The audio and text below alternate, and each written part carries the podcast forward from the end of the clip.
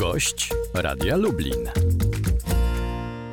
15 minut po godzinie 8 Tomasz nie śpiał przed mikrofonem, a gościem Radia Lublin jest Marian Król, przewodniczący zarządu regionu środkowo-wschodniego NSZZ Solidarność. Dzień dobry. Dzień dobry panu, dzień dobry państwu. Ochrona miejsc pracy to najważniejsze wyzwanie, poza oczywiście tym medycznym i ochrony, ochrona ludzkiego zdrowia i życia. Najważniejsze wyzwanie, przed jakim dziś stoimy wszyscy w Polsce. Czy uratuje je tak zwana tarcza antykryzysowa? No, trudno wszystko powiedzieć, jak będzie, ale e, no, jest to wydarzenie bez precedensu, takiego doświadczenia e, nikt na dziś nie, nie miał i nie ma, bo nie mógł mieć, bo takiego wydarzenia na świecie e, dotychczas nie było, gdzie w ciągu kilku miesięcy kryzys obiega cały świat i chyba ponad 200 krajów na świecie E, dziś dotyka epidemia. Więc takiego nikt doświadczenia nie ma, jaki sposób będą funkcjonowały poszczególne, że tak powiem, źródła przepływu i strumienie finansowe, gospodarcze, tego nie wiemy. Jak głęboko e, sięgnie e, kryzys, jakie problemy w praktyce wystąpią. Niemniej jednak nasz rząd przygotował już E, e, tarczę 1, tarczę 2 e, i, i ciągle jest to, wygląda na to, że jeszcze są to niewystarczające rozwiązania, żeby pracodawcy i pracobiorcy razem przetrwali. Dziś potrzeba jest takiego bardzo dużego zrozumienia i dialogu, tak na poziomie zakładów pracy, jak e, również na e, poziomie e, tym dialogu krajowym, czy tutaj naszym wojewódzkim. Te, te rozwiązania są bardzo potrzebne.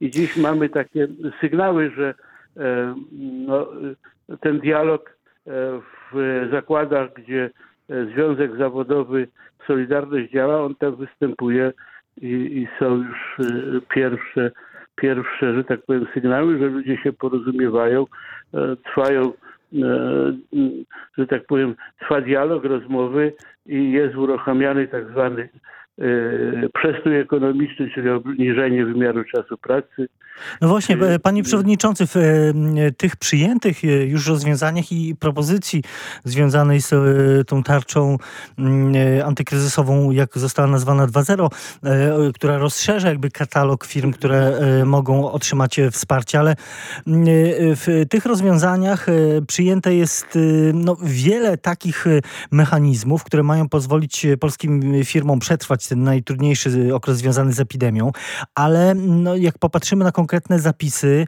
no to, no to widzimy, że też wiele z tych y, rozwiązań y, y, jest już wprowadzonych albo będzie wprowadzonych po prostu kosztem pracowników. Co na to Solidarność? To znaczy, e, takiego kryzysu nie da się przejść, że tak powiem, przysłowiową suchonogą.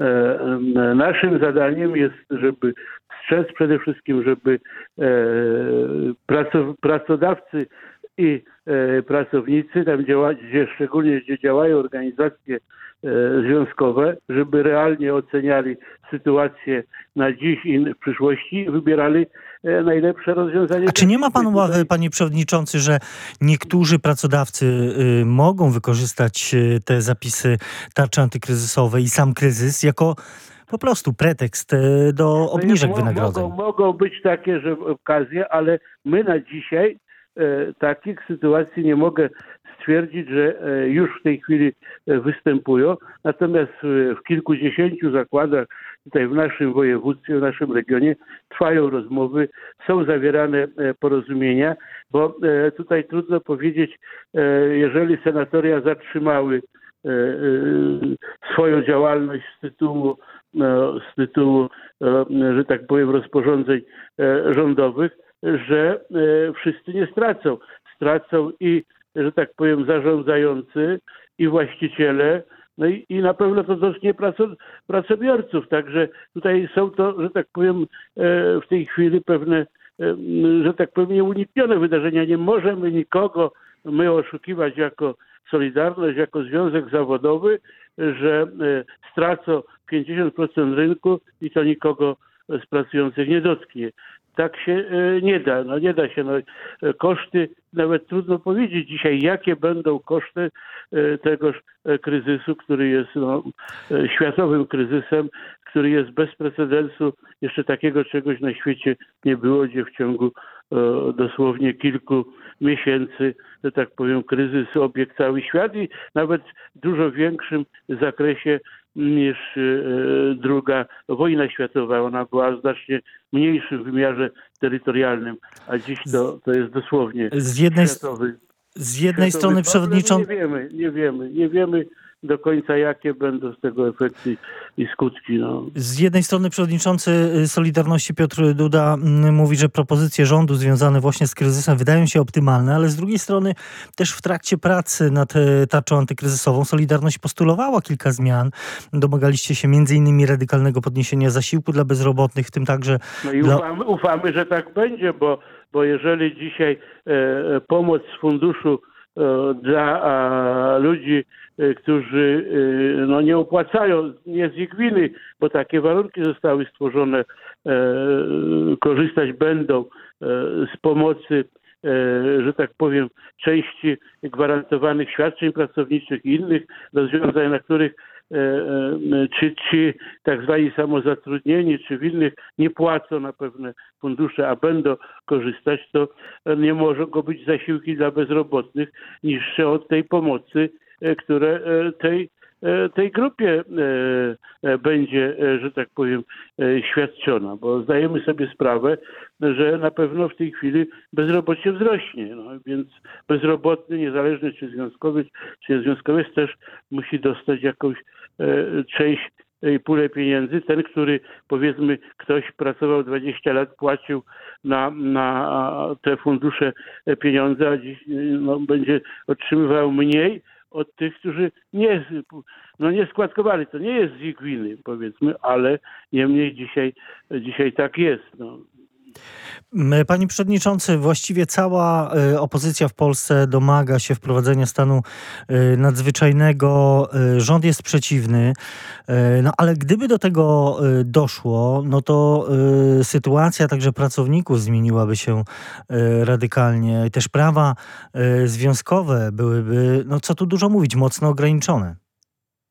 To znaczy się, ja myślę, że nikt na takie rozwiązanie nie pójdzie, bo to nie tylko chodzi o prawa nasze pracownicze, o, o nasz e, wpływ i tak dalej, tylko o to, czy państwo przetrwa, bo e, skutki wprowadzenia stanu takiego wyjątkowego, tak go nazwijmy, no, wiąże się również z innymi jeszcze, że tak powiem, skutkami niż tylko E, odebranie e, praw swego rodzaju obywatelskich, e, zawieszenie demokracji. Również są skutki gospodarcze, które dziś wątpię, czy no, mamy te głosy z przedstawicieli rządu, które mówią o tym, że po prostu budżet państwa nie udźwignąłby ewentualnej skali odszkodowań właśnie za wprowadzenie takiego stanu. Także tutaj nie tylko to, że my nie będziemy mieli tych demokracji, praw pracowniczych, ale mówię, są skutki znacznie głębsze i, i mam nadzieję, że do tego nie dojdzie, że będziemy tymi y, gospodarzyć się tak, jakie nasze możliwości, y, nasze państwo przez ostatnie 30 lat jako pozycję sobie wypracowało, że tym będziemy gospodarzyć i, i jakoś nie damy się E, że tak powiem, temu kryzysowi tak, e, że tak powiem, pokonać, bo to jest najistotniejsze. Panie Przewodniczący, i ostatnie pytanie, czy wybory prezydenckie powinny się odbyć 10 maja? To znaczy się według mojej wiedzy, bo ja nie chcę się tutaj uznawać za autorytet prawniczy czy inny, to powinny się odbyć 10 maja, bo jeżeli się nie odbędą 10 maja, to te skutki albo znajdzie się ta większość, e, którą chciał zorganizować E, pan e, Gowin i e, zmieni obraz polityczny, wyborczy, czyli przedłuży kadencję formalnie, konstytucyjnie prezydentowi na, na kolejne dwa czy pięć lat, to już nieistotne, Albo e, jest to rozwiązanie, które dziś konstytucja nakazuje, że muszę się one po prostu do chyba do 17 maja odbyć i jeżeli chcemy szanować prawo i mieć e, nadzieję na to, że to prawo będzie e, w przyszłości również przestrzegane, to one się wręcz muszą odbyć. I, tylko trzeba stworzyć optymalne warunki do tego, żeby ludzie nie byli narażeni na, że tak powiem, na zakażenie wirusem, bo, bo, bo to jest groźne. I tu stawiamy kropkę. Marian Król, przewodniczący Zarządu Regionu Środkowo-Wschodniego NSZZ Solidarność, był gościem Radia Lublin. Bardzo dziękuję za rozmowę. No, dziękuję bardzo, pozdrawiam. Tomasz nie śpiał, do usłyszenia.